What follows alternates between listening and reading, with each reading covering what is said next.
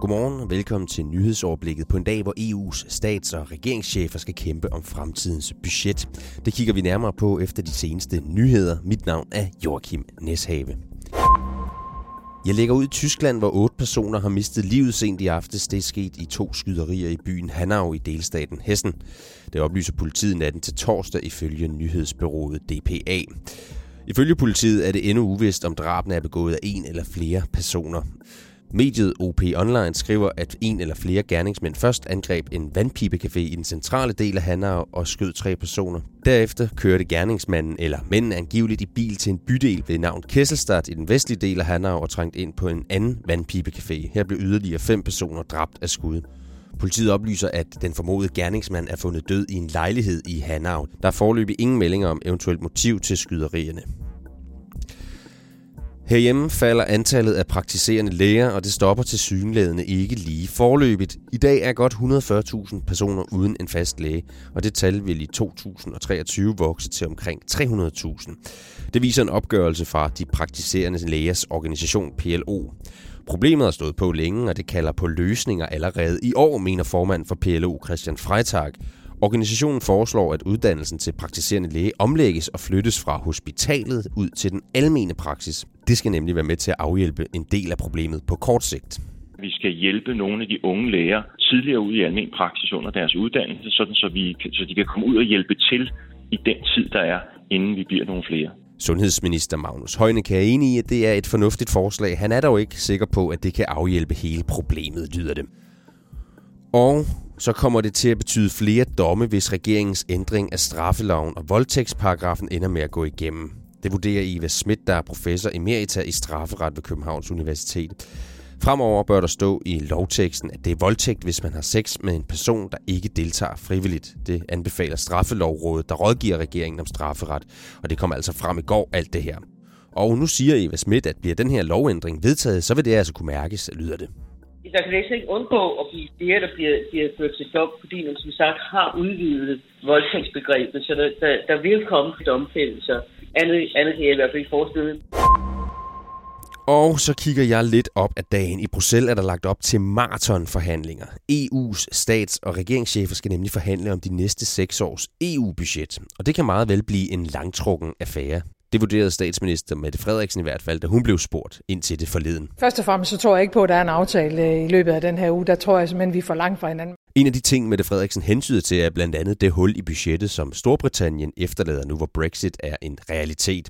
Og det kan betyde, at Danmark skal bidrage med flere penge, end det allerede er tilfældet.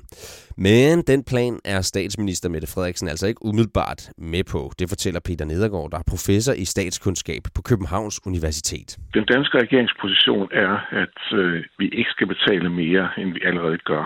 Altså vi er allerede et betydeligt nettobidrag yder til EU's budget. Det vil sige, vi betaler mere til EU's budget, end vi øh, får igen.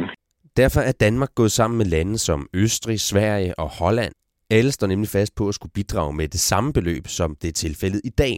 Men det ønske kan altså blive svært at opfylde helt, mener Peter Nedergaard. I forhold til, hvad kommissionen oprindeligt lagde op til, så bliver det mindre, øh, hvad vi skal betale ekstra. Men vi slipper synes ikke for at skulle betale noget ekstra. Spørgsmålet er, hvor meget. Og øh, det er det, forhandlingerne går ud på. Selvom danskerne ikke øjeblikkeligt vil komme til at mærke en stigning i det danske EU-bidrag, så mener Peter Nedergaard alligevel, at det på længere sigt vil komme til at få indflydelse på vores velfærd. De samme penge kan jo ikke bruges på velfærd eller skoler eller veje eller hvad det nu var. Så der er flere penge af vores skattekroner, der kommer til at gå til EU-budgettet i fremtiden. Sagde altså professor i statskundskab ved Københavns Universitet, Peter Nedergaard.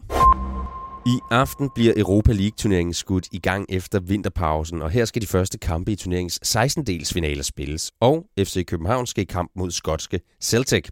Københavnerne er sidste chance for dansk succes i denne sæsons europæiske turneringer. Men fodboldkommentator Morten Brun har ikke de helt store forventninger før kampen. Jeg vurderer, at Celtic er svage favoritter. Og så må jeg sige, at jeg er ked af, at jeg var nede og se FC København spille mod Esbjerg i fredags. Fordi hvis de spiller sådan der, så ryger de i hvert fald ud. Den kamp tabte FC København med 1-0, og Morten Brun mener heller ikke, at der er grund til at håbe på det helt store europæiske resultat fra de danske mestre i år. Jeg synes ikke, at det aktuelle FC København-hold er så stærkt, at jeg synes, det er realistisk at snakke og kigge ret meget længere frem end en kamp mod Celtic. Det er kl. 18.55, at kampen sparkes i gang i parken.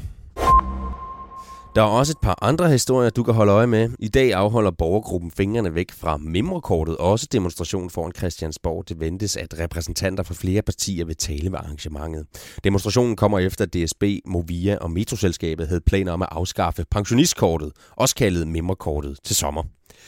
I USA falder der dom i sagen mod Donald Trumps tidligere rådgiver Roger Stone. Han er tiltalt for blandt andet at have løjet for kongressen samt at lægge hindringer i vejen for efterforskningen. Anklagemyndigheden kræver mellem 7 og 9 års fængsel.